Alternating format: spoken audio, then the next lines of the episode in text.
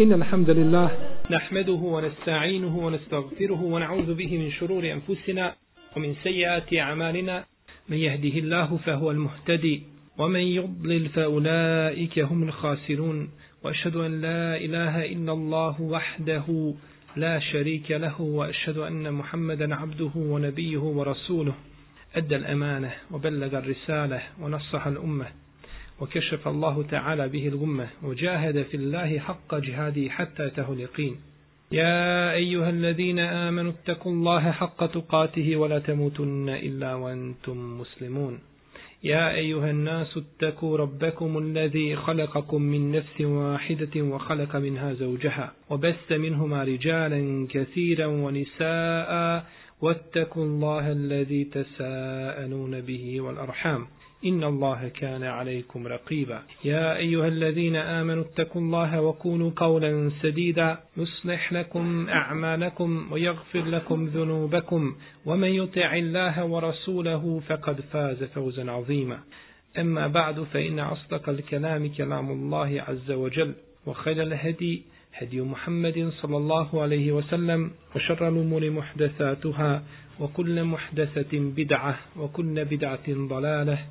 وكل ضلالة في النار أما بعد nakon što se raširila glasina u tadašnjem medinskom društvu, glasina koju su raširila bolesna srca, želeći da time naude našem poslaniku sallallahu alaihi wasallame i ashabima i tadašnjoj islamskoj misiji, imala je jako negativne posljedice po mnoge ljude, s jedne strane, ali je imala, ali je u tome bio veliki hajr i veliko dobro za muslimane sa druge strane.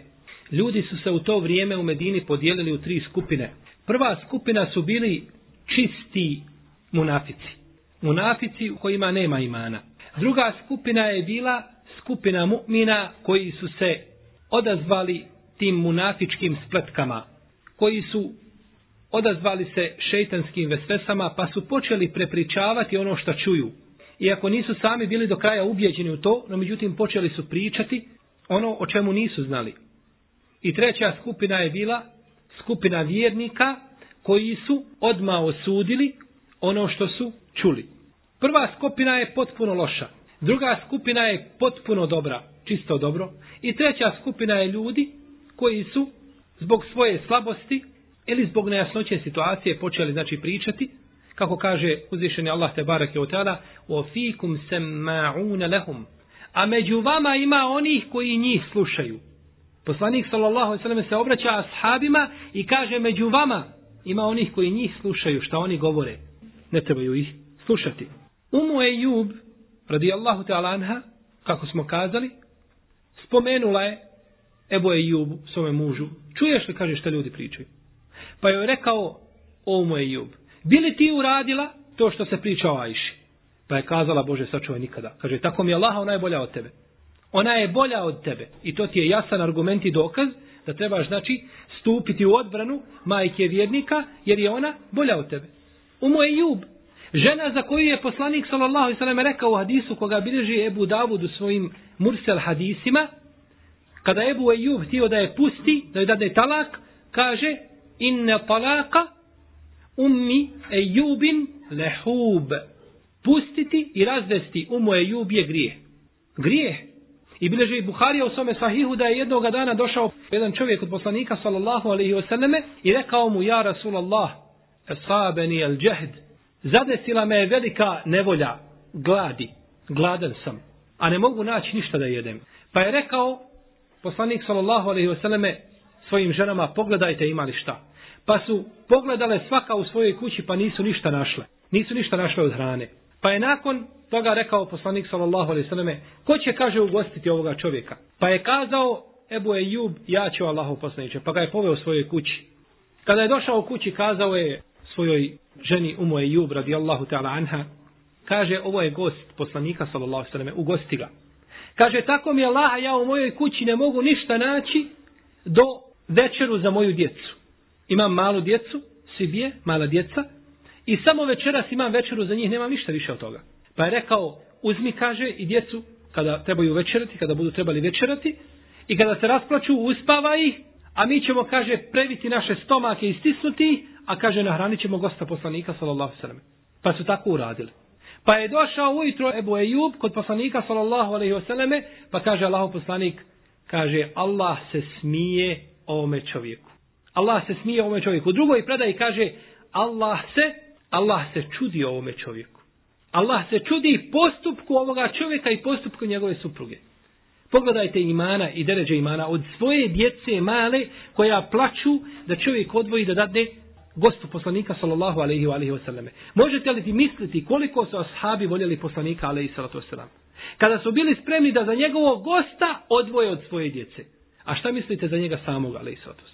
No međutim, pored toga, desi se mu'minu da kaže ili da prenese riječi koje nije smio prenijeti. To su najbolji ljudi, najbolja generacija koja se pojavila. Ima Mahmed bilježe u svome musledu predaju za koju Ibnu Hajar. Ima Mesehawi i šejh Albani kažu da je dobra, da je Ibnu Mes'ud radijallahu ta'ala anhu rekao.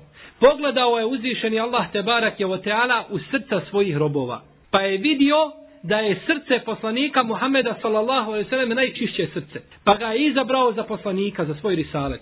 Pa je još jedan put pogledao u srca svojih robova, pa je vidio da su najčišća srca srca njegovih asaba, pa je odabrao da mu budu pomoćnici u prenošenju i dostavi risaleta. Najbolja generacija koja se pojavila. No međutim, pored toga oni su prepričavali, neki od njih su govorili, prenosili ono što su čuli. Pa je uzvišeni Allah te barak je od objavio ajete u suri Nur da samo znadete kolika je čast i koje mjesto zaslužuje vaša majka Aisha radijallahu ta'ala anha kod Allaha te barek ta'ala. Da je objavio ajete koji će se učiti do sunnjega dana. U kojim je očistio znači našu majku od svih potvora koje su iznošene na nju. Mi ćemo sada pročitati ove ajete u prevodu da vidimo znači šta je to uzvišeni Allah te barek je ta'ala objavio povodom ovoga slučaja. Kaže uzvišeni prevodu značenja zašto čim ste to čuli, nisu vjernici i vjernice jedni od drugima dobro pomislili i rekli, ovo je očita potvora. Zašto nisu četvericu svjedoka doveli? A pošto svjedoke nisu doveli, oni su onda kod Allaha lažljivci. Oni su lažljivci taman da istinu govorili. Jer su trebali četiri svjedoka dovesti. Zašto niste, čim ste to čuli, rekli, ne dolikuje nam da o tome govorimo, uzdišen neka si, to je velika potvora. Allah vam naređuje da više nikad tako nešto ne ponovite. Ako ste vjernici i Allah vam propise objašnjava, Allah se zna i mudar je. Oni koji vole da se o vjernicima šire bestidne glasine, čeka teška kazna. Na ovom i na onom svijetu. Allah sve zna, a vi ne znate. A da nije Allahove dobrote prema vama i milosti, i milosti njegove i da Allah nije blag i milostiv. Ostalo još jedan ajet u kome Allah te barak dela kaže, a da nije Allahove dobrote prema vama i milosti njegove i na ovom i na onom svijetu, već bi vas stigla teška kazna zbog onoga u što ste se upustili. Kada ste to jezicima svojim prepričavati stali, kada ste na sva usta govorili ono o čemu ništa ne znate, vi ste to sitnicom smatrali, a to je kod Allaha krug. U ovim ajetima uzvišeni Allah te barak je, je očistio našu majku, vjernika Ajšu radijallahu ta'ala anha, i ukorio one koji su govorili ono o čemu nisu ništa znali. A posebno kaznu pripremio i kaznom obradovao onoga koji je preuzeo znači tu stvar u svoje ruke, odnosno koji je najviše širio te glasine, a to je Abdullah ibn Ubej ibn Salul, alaihi lanetullah. Kada je Aisha radijallahu ta'ala anha saznala šta se priča, tražila je dozvolu od poslanika sallallahu alaihi wasallame da ode kod svojih roditelja, da čuje od njih ono što ljudi govore, da se uvjeri. Jer ono što je kazala Umu Mistah, kao da nije odma uzela zao za gotovo, nego je htjela da se uvjeri, zar je to istinu tako? Pa je pitala poslanika, sallallahu alaihi selleme ne govoreći mu ništa, mogu li ići kod svojih roditelja? Pogledajte šta je mu'minka. U najtežim momentima, kada bi mnoge žene pokupile svoje stvari i otišle, ona traži dozvolu od poslanika, sallallahu alaihi selleme da iziđe i dode kod svojih roditelja. Šehol Islam Ibn Taymi kaže, koja žena iziđe iz kuće svoga muža, bez dozvole njegove, ona je našize ona je žena koja je nepokora svojom mužu i ne zaslužuje da on izdvaja njoj izdržavanje, sredstva za izdržavanje. Nema izdržavanja. Izišla si iz kuće bez pitanja muža, on te nije dozvolio, mimo njegove volje, nemaš pravo na izdržavanje. Čak i u najtežim momentima. Htjela Ajša radijallahu ta'ala anha da provjeri vijest, pa je pitala svoju majku o tome. Kada je došla, pitala je svoju majku. Pa je kazala majka njena, kaže, o kćeri moja, olakšaj sebi, kaže, jer u istinu kaže, nema žene koja je lijepa i koju muž voli i koja ima inoće, a da ljudi nisu pričali o njoj i da nisu nešto govorili. Pogledajte kako majka smiruje svoju kćerku. Prvo je pohvali. Kaže, malo je žena koje su lijepe. A žena voli da bude pohvaljena. Najdraža stvar ženi jeste da bude pohvaljena. Naročito od strane svoga muža. Voli da je pohvale drugi, ali kada je muž pohvali, ta je pohvala posebna ko žene. Kaže majka njena, malo je žena koje su lijepe i koje muž voli, pogledajte kako prilazi njena majka problematici. Nije kazala pa Allahov poslanik sallallahu alejhi da tebe voli. On ne bi dozvolio da se tako priča. On bi rat digao, nego kaže on tebe voli. A ti si lijepa i imaš svoje inoće i zbog toga ljudi pričaju, zavidni su tome. Zavidni su harmoniji tog života koga nalaze. Poslanik sallallahu alejhi ve selleme je pozvao Usamu ibn Zeida i Aliju radijallahu ta'ala anhu i tražio od njih savjet. Dogovarao se sa njima. Pa je pitao Usame, kaže Usame, o Allahu poslaniče. Mi ne znamo o tvojoj ženi, o našoj majici, o Ajši radijallahu ta'ala anha, ništa osim dobro. Nikad nismo čuli osim dobro. Kako da govorimo i kako da pričamo kada ne znamo nego dobro o njoj. A Alija radijallahu ta'ala anhu je rekao, Allahu poslaniče, kaže, i mimo Ajše ima žena. Pitaj, kaže, svoju služkinju Beriru, pitaj o njoj. Možeš oženiti drugu ženu. Alija radijallahu talanhu je ukazao da bi mogao poslanik sa osvijem da razvede Ajšu. I u tome nema ništa loše. To je bilo mišljenje Alinu, razvedi je, pa ako vidiš da je kriva, svakako je razvedena i zaslužila je to, a ako vidiš da je čedna i poštena i nevina, onda je možeš vratiti ponovno da ozvoniti opet da je oženiš. Opet diva tvoja žena. Jer je ne može niko drugi oženiti. Ne može niko drugi nakon toga više oženiti, ne ona biva svakako tvoja žena. Kad god da okreneš, znači možeš je vratiti. Ali nije htio samo da je razvede, nego kaže u ostalom, pitaj sluškinju Beriru, pitaj o njoj, pa će ti ona kazati. Pa je pozvao poslanik sallallahu sallam sluškinju Beriru, pa joj kaže, o Berira, jesi li, kaže, ikada vidjela od Ajše nešto u šta si sumnjala? Kaže, o Allahov poslaniče, Tako mi onoga koji te je poslao sa istinom. Nikad, kaže, ništa od nje vidjela, nisam u što bi sumnjala. Osim jednu stvar. Pogledajte, mahane koju ima Aisha radijallahu ta'ala, vaša majka, majka vjernika. Kaže, nisam od nje vidjela ništa osim to što ona zamijesi ponekad tijesto i bila curica, volila se igrati pa se okrene ili zaspe i onda dođe u životinji i pojede to tijesto. To je sav zločin koga je mogla počiniti Aisha radijallahu ta'ala. I da joj se onda pripiše ono što joj se pripisuje. To što dođu tije domaće životinje i pojedu tijesto. Ništa više od toga. Kaže, ništa više nisam vidjela od toga. Ovdje su neke zalutale skupine otišle u dvije krajnosti. Jedna je otišla u krajnost pa napada na Aliju radi Allahu ta'anhu i oni mu govore pogrdno. Kažu kako je mogao kazati da razvede Ajšu. Ajša nevina. Ajša čedna i puštena. Prvo kažemo, Alija radi Allahu ta'anhu nije kategorički to kazao. On je rekao u ostalom, znači to ti je dozvoljeno Allahu pa u ostalom pitaj Berire pa ćeš vidjeti uvjerice. A druga skupina je ošla u drugu krajnost pa vrijeđaju Ajšu. Majku vjernika. Čednu i poštenu. Pa govore o njoj ružno i govore o njoj pogrno. I, o njima, I oni se danas za njih kažu da su šije. No međutim šije, oni nisu šije. Nego oni su ravafib. Rafib. Ravafib. Jer šije su oni koji kažu da je Alija bolji od Osmana, radijallahu ta'ala anhuma, i da je trebao biti Alija halifa ne Osman. No međutim kažu hilafet Osmana je ispravan. To su šije. No međutim, Ravafid, oni kažu da je hilafet Osmana batil i hilafet Ebu Bekra batil i da je hilafet Omera batil i da taj batil znači nešto što je ništavno, nije trebalo biti i kad dođu na kabur, dođu kod kabura poslanika sa osvijem padove, pa se pomiri korak do kabura Omera pa pljune, pa se pomiri još jedan korak do Ebu Bekra pa pljune. To su Ravafid. I to su Allahovi neprijatelji. Koji su protekfirili izrazitu većinu ashaba poslanika, sallallahu alaihi wa alihi wasallam. Suju ashabe, a posebno od njih Ebu Bekra i Omara i Osman. Kaže Ibnu Tejmije, rahimahullahu ta'ala, šehol Islam Ibnu Tejmije, pričao mi je, kaže, čovjek koji je pouzdan. Bio sam, kaže, kod dvojice Rafidija i sjedili su. Kaže, pa je jedan od njih imao psa koji se igrao tu negdje u blizini. Pa ga je pozvao ovaj drugi, kaže, o, kaže Ebu Bekr, dođi vamo, dođi vamo Ebu Bekr.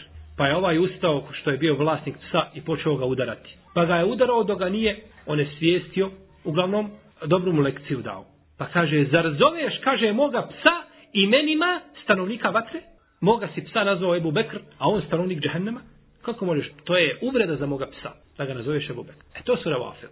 To su neprijatelji ovog dina i ove vjere. Oni imaju 18. zul hijđeta, neki od njih imaju svoj praznik, u kome naprave od tijesta tri kipa i napune u njihove stomake datula i meda i onda se okupe i uzme noževe i onda skoče na te kipove i vodu ih noževima i njihove stomake paraju i vade iz stomaka i jedu ono.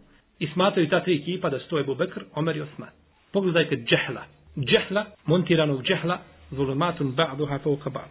Ili dođu sa ovcom i onda svi skaču i čupaju vunu sa ovce, dok je ne ogule svu, živa. I smatraju da je ta ovca Ajša.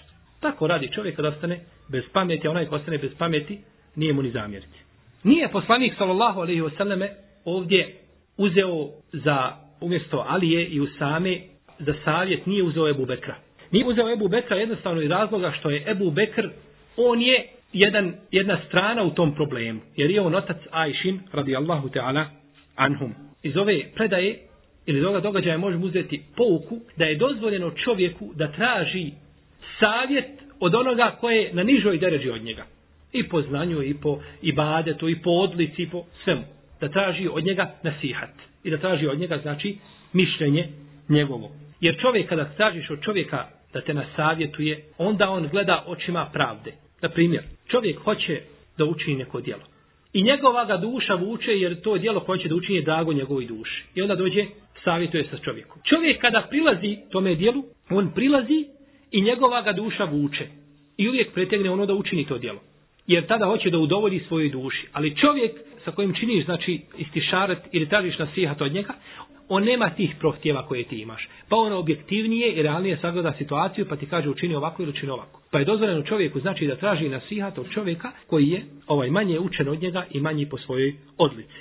Kod imama muslima ima predaja da je jednog dana poslanik sallallahu alejhi ve selleme bio sa ashabima pa se izgubio. Pa su ga tražili i nisu ga našli. Pa je Ebu Hureyre ušao u jedan vrt Benu Neđara i našao poslanika sallallahu alejhi ve u tome vrtu. Pa mu je kazao O Allahov poslaniče, kaže, mi smo se uplašili za tebe. Evo, kaže, ashaba iza moji leđa, svi te, kaže, traže, gdje si? Pa je rekao poslanik, sallallahu sallam, o Ebu Hureyre. Uzmi, kaže, ove moje dvije papuče, idi na polje. I koga sretneš iza ovoga vrta, obraduj ga sa džennetom. Pa je uzeo te dvije papuče i izišao i prvi na koga je naišao, nažalost, Omer radijallahu anhu. Kažemo, nažalost, u, uslovno, pa mu je kazao, o Ebu Hureyre, šta je s tobom? Kaže, ja sam našao poslanika, svala srmi, poslao me, kaže, sa dvije papuče i rekao da obradujem svakoga onoga koga sretnim iz ovoga zida sa džennetom. Pa ga je Omer radi Allahanu udario po prsima da ga odmah povalio na leđa. Sad razumijete zašto kažem nažalost. Pa ga je udario i povalio ga na leđa. Pa su došli skupa kod poslanika sa srmi, a Ebu Hurede plače. Toliko je udario da je rasplakao Ebu Hureyru. Pita ga Allahu poslanik svala srmi, što plačeš o Ebu Kaže, desilo se tako i tako Allahu poslaniče. Pa kaže Omer, Omere, što ga udari? Kaže Allahov poslaniće, on dođe i kaza da koga god sretneš da ovoga zida obraduje ga sa džennetom. Omer radi Allahanu nije mogao povjerovati da može biti tako da se skupine ljudi obraduju sa džennetom. Pa je rekao poslanik sallallahu alejhi ve jest o Omere, ja sam tako rekao. Pa je rekao Omer radi Allahanu, o Allahov poslaniće, nemoj kaže tako raditi. Nemoj im kaže to govoriti, neće ljudi ništa raditi. Sješće ljudi nogu preko noge, svako zadaje stanovnik dženete, neće raditi. Kaže, pusti neka rade. Pa se poslanik sallallahu Lasanem ve sellem osmijehnuo i kaže, dobro, pusti neka rade nemoj ništa govoriti. Pa je uzeo ovdje nasihat od koga? Od Omera radijallahu ta'ala. A Omer je sigurno ovaj po svojoj deređi kudi kamo ispod poslanika sallallahu alaihi wa alaihi wa sallam. Kada je dobio nasihat od Alije radijallahu ta'ala anhu i od sami ibn Zejda, popeo se poslanik sallallahu alaihi wa sallam na mimber i kazao, kaže, ko će me sačuvati zla čovjeka koji priča o mojoj porodici, a ja kaže o mojoj porodici ne znam ništa, nego dobro. Tako mi Allaha nije ušao kod mene, kod moje porodice, osim sa mnom. Nikada nije imao kontakta, nije on ulazio kod moje žene sam. Nikada nije ulazio u moju kuću osim sa mnom. A on njemu kaže ne znam nego dobro. Pa iz ovoga možemo shvatiti da čovjek, da ne može niko ulaziti ni u čiju kuću, ako nije čovjek od kuće. I kada uđe u kuću sa čovjekom, onda može sjediti tamo gdje mu se kaže da sjedne. Čovjek uđe u kuću sa gostima i ljudi sjedne, kako ko ulazi sjeda gdje mu odgovara. I kada mu kaže čovjek, hoćeš molim te preći sjest ovdje, ne kaže lijepo je gdje sam. Tebi je lijepo tamo gdje gazda kuće kaže da sjediš. I ne smiješ se pomjeriti osim sa dozvolom. Jer ponekad će biti vrata otvorena. Pa se vidi u kuću, tamo vidi se kuće. A to nije tvoje da gledaš. Ili se vidi kuhinja koja možda nije trenutno pospremljena. Ili se vidi ili na ogledalo, gleda čovjek pravca ogledala pa vidi šta je na drugoj strani sobe i tako dalje, ili kuće i stana i tako dalje. Pa čovjek kada uđe treba pitati gazdu gdje da sjedne. Pa ako mu kaže gdje god da sjedne, što je druga stvar? Uđe da čovjek sobom bira i da prelazi i da izlazi. I ono što se dešava da čovjek iz kuće izlazi, sam na vrata i ode kuda kaže ode abdestiti. Nikoga nisi pitao, niko ti nije dao dozvolu da izješ, ti sam ideš po kući, šetaš se kao da je to tvoja kuća. Kaže, nije ušao u moju kuću osim sa mnom. Osim sa mnom. Pa je rekao Sad ibn Muaz, Anensari radijallahu ta'ala anhu, ja ću te osvetiti kod njega, o Allahov poslaniče. Ako bude od Eusa, od njegovog plemena, kaže, odsjeći ćemo mu glavu. A ako bude od naše braće, od Hazređa, naredit ćeš nam, pa ćemo izvršiti tvoju naredbu. Pa je ustao Sad ibn Ubade, prvak Hazređa. Pa je rekao, a bio je dobar čovjek, no međutim, ponijela ga je pristrasnost plemenska, pa je rekao Sadu, o Sade, lažeš. Tako mi Allaha nećeš ga ubiti, niti to možeš učiniti. Pogledajte šta znači plemenska pristrasnost.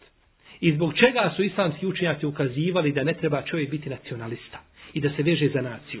Pogledajte šta plemenska pristrasnost uradi. Allah poslanik kaže, ko će me osvetiti, a oni kažu, ne možeš to uraditi. Dobar čovjek, ashab, kome sve svjedoči na njegove odlici. No međutim, kada čovjeka ponese ta pristrasnost plemenska, onda stvari ovako izgledaju. Pa je potom ustao u Sejd ibn Hudajr, koji je bio Amidžić sada ibn Muaza, pa reče, u badi ti si slagao, tako mi je Allaha, mi ćemo ga ubiti, ti si munafike ili braniš munafike, pa se je zametnula kavga između ashaba i počeli su govoriti, dok poslanik sa osanem je bio na mimberu i stišavao ih dok se nisu pomirili, pa je nakon toga poslanik sa osanem ustao i izišao, kao što smo znači čitali u originalu teksta ili hadisa koga smo spominjali na početku ovoga predavanja. Nakon toga je poslanik sallallahu alejhi ve selleme došao kod Ajše radijallahu ta'ala anha i rekao joj, kaže, o Ajša, do mene je došlo da si ti učinila tako i tako. Nije spominjao šta, nego kaže tako i tako. Ako si kaže čista, ako si nevina, Allah će te očistiti i on će ukazati na tvoju nevinost. A kaže, ako si učinila grije, onda se kaže pokaj Allahu i priznaj svoj grijeh, jer kaže čovjek kada prizna svoj grijeh, potom se pokaje, Allah će mu ga oprostiti. Kaže Aisha radijallahu ta'ala anha, kada je to rekao poslanik sallallahu alaihi sallame, prekinule su moje suze ići. Pa sam rekla Ebu Bekru, svome ocu, kaže, odgovori, kaže poslaniku sallallahu alaihi za mene. To jeste opravdaj me, reci šta je istina. Pa je rekao Ebu Bekr, kaže, tako mi Allaha, ne znam šta da kažem poslaniku sallallahu alaihi Njen babo zna kao i poslanik sallallahu alaihi što zna da je ona nevina, ali nema argumenta. Zna da je ona nevina i da je čedna ali ne može ništa kazati, kaže, ne znam šta da kažem. Pa se obratila svoje majici, kaže, reci poslaniku, sallallahu sallam, pa kaže, tako mi Allaha, ne znam šta da kažem poslaniku, sallallahu. Pogledajte vjernika. Bojali su se da uzvišeni Allah ne objavi ajete, na primjer da se ne ispostavi, da je Ajša kriva, pa da ne objavi ajete, i koji će se ući do sudnjeg dana, u kojima će se pogrdno spomnjati Ebu Bekri njegova supruga, zbog toga što su branili ženu koja je kriva. Iako je bila njihova čerka, no međutim nisu htjeli riječi da progore. Ne znamo čekamo da Allah dođe sa svojom odredbom. Mi ne znamo, znači šta se je dešavalo. Tada je došla jedna žena Ensarika i tražila dozvolu da uđe kod Ajše radijallahu ta'ala anha, pa je dozvolila. Kaže, pa smo sjele skupa i plakale. Jer čovjek kada ima nekakav musibet i kada dođe neko u taj musibet sa njim skupa, da učestvuje i da mu pomogne, da bude sa njim, onda biva čovjeku lakše. Zato uzvišeni Allah te barek tala kaže: "Wala yanfa'akum al-yawma idh zalamtum annakum fil 'azabi mushtarikun." I neće vam danas pomoći ništa i neće vam olakšati vaše muke to što ste skupa u vatri. Jer da je jedan čovjek sam u vatri, to mu je teško, kad imaju dvojica lakše mu je. To vrijedi ovdje na dunjaluku. No međutim tamo na ahiretu to neće vrijediti. Koliko god da vas ima u musibetu u džehennemu, njima tamo neće im to ništa pomoći, jer je to ahiretska kazna. Vidimo ovdje da je poslanik sallallahu alejhi ve selleme kada je došao kod Ajše rekao kaže o Ajša ako si čista i ako si nevina Allah će te oprostiti on će te očistiti. A ako si učinila grije pa je počeo prvo čime sa čistoćom i kaže ako si čista i ako si nevina i ako nisi počinila grije. Znači prilazi zna poslanik sallallahu alejhi i ukazuje i osjeća da to se nije desilo. No međutim nije tada imao objave od uzvišenog Allaha te barake o Pa kaže ako si uradila tako i tako nije htio kazati šta, nije htio kazati šta da je ne povrijedi. Ne kaže ako se radila tako i tako. I to se zove kinaje ili simbolika u arapskom jeziku kojom čovjek ukaže na neku stvar, ne mora se znači sve direktno kazati. Kao što je poslanik s.a.v. kada su oni ljudi dolazili i pitali Ajše o njemu, ali i s.a.v. kakav je njegov život, pa su kazali, on je poslanik. Njemu je oprošteno ono što je učinio i ono što će učiniti od grijeha. A mi smo obični ljudi. Pa jedan kazao, ja se neću ženiti. Kaže drugi, ja neću spavati po noći. Cijelo večer ću i baditi. Kaže treći, ja ću uvijek postiti. Nikad neću prekidati post. Kaže četvrti, ja neću, kaže, jesti meso nikako. Pa je rekao poslanik sa osvijem, šta je, kaže, ljudima koji govore tako i tako. Nije rekao šta je ljudima koji govore, pa nabrajao šta je rekao svaki od njih. Nego kaže šta je ljudima koji govore tako i tako. Pa je onda kazao, ja sam najbolji od vas i najbogobojazniji, no međutim ja postim i prekidam. Ja klanjam i spavam. Ja ženim žene i jedem meso. I ko ostaje moj sunet, ne pripada meni. Kaže ovdje poslanik sallallahu alejhi ve sellem Ajši, ako priznaš svoj grijeh, ako priznaš svoj grijeh.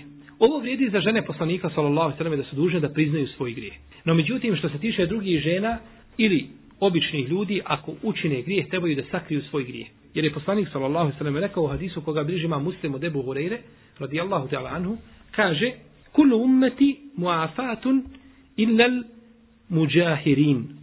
Svi ljudi iz moga ummeta će biti na hajru i bit će spašeni osim ljudi koji se otkrivaju sami.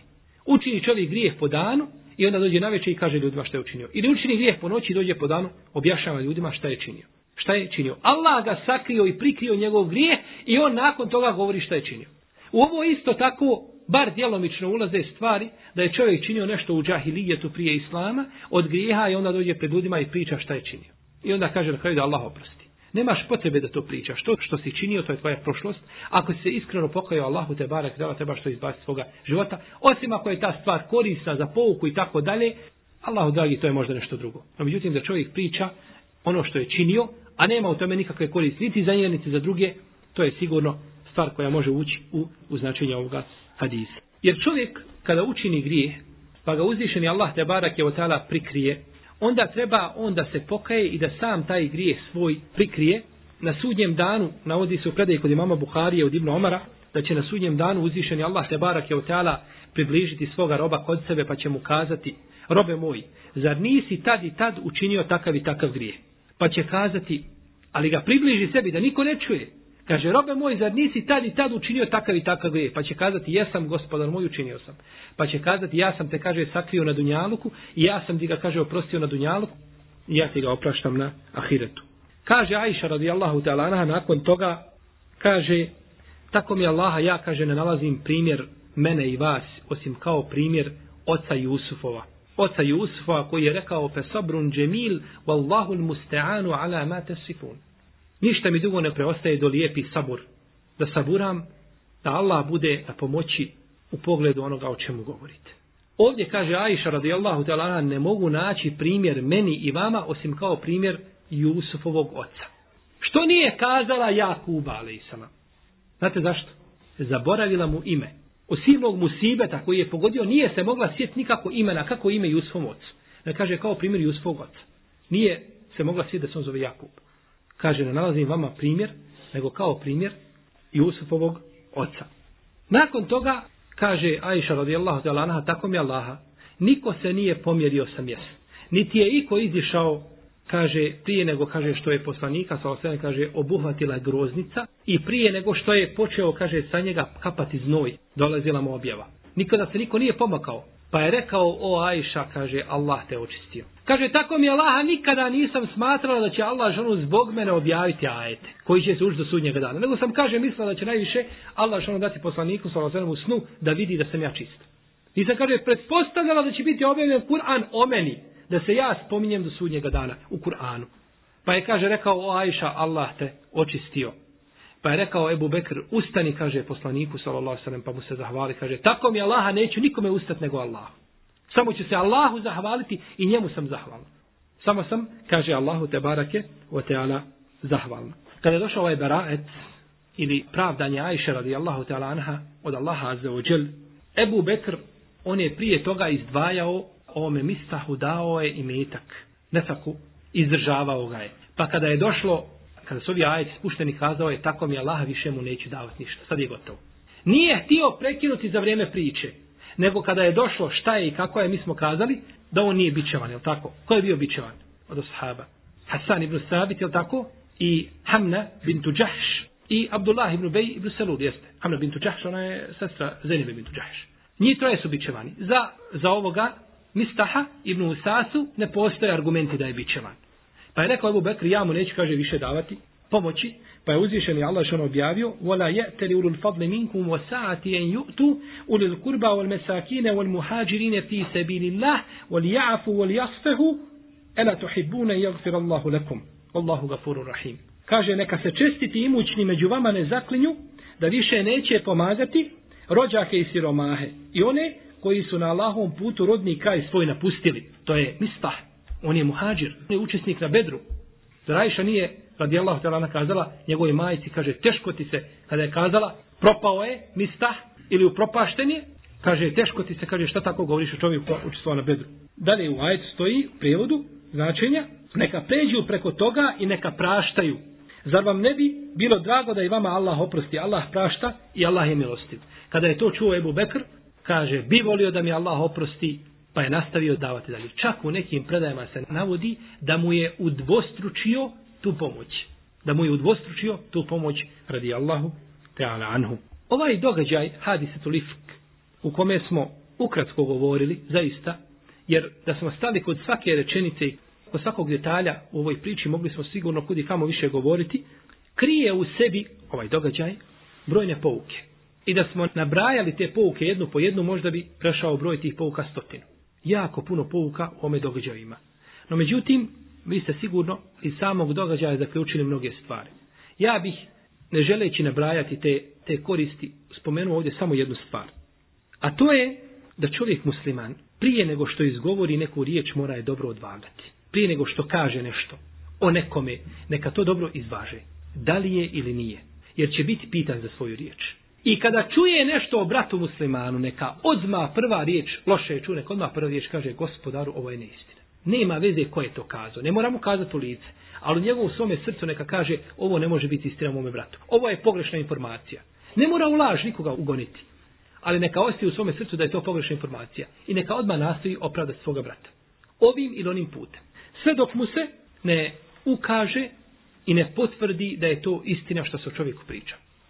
Kada mu se potvrdi da je istina to što se priča o bratu muslimanu, neka mu pokuša naći samo 70 opravdanja, ne više, 70. Pa ako ne uspije kroz ti 70 opravdanja i pokušaja da mu nađe opravdanje, onda nek mu kaže, gospodar, to je ljudske slabosti. Svi mi možemo pogriješiti. Tako se prilazi problemu. A nikako kada se nešto čuje o časnom muslimanu, vjerniku, da se odmah to prepričava i da se šire priče, a možda od toga svega nema ništa. I da ima nešto, nemaš pravo da pričaš. A kako onda kada ne znaš, pričaš stvar, tahsebunehu hejjinen vohuva inda Allahi azim. Tahsebune, vi to smatrate malim, mizernim, ništa, a to je kod Allaha veliko. Takva jedna riječ. I mi znamo svi hadisa poslanika sallallahu alejhi ve da će čovjek zbog jedne riječi biti bačen 70 godina u vatru džehennemsku. Jedna riječ. Kao što ga jedna riječ može uvesti u džennet, tako ga jedna riječ može baciti u vatru džehennemsku.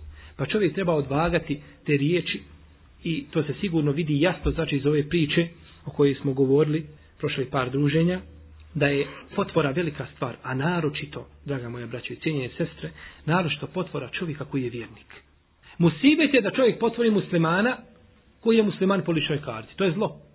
Ali to zlo više stručava i dobija svoju kulminaciju kada se radi o čovjeku koji je vjernik, koji je halim, znaš da je čovjek pobožan i da je pokoran Allahu te barake od i da ga onda čovjek potvori, to je sigurno veliko zlo koje čovjek sebi ne bi smio dozvoliti, nego treba uvijek znači da bude od onih koji će biti u odbrani svoje braće muslimana. Molim Allaha te barake od da nas pouči našoj vjeri i da sačuva naše jezike od potvore i molim uzvišenog Allaha za ožel da popravi naša djela i djela naših porodica i da pomogne njegove borce diljem svijeta koji se bore za riječ la ilaha illallah Muhammedur Rasulullah i da nas uvede u džernetske tvrdeuse sa našim poslanikom Muhammedom sallallahu alaihi wa sallame iskrenim dobrim i šehidima tivri su oni društvo. Allahu Teala alam. Sallallahu ala nebina Muhammed.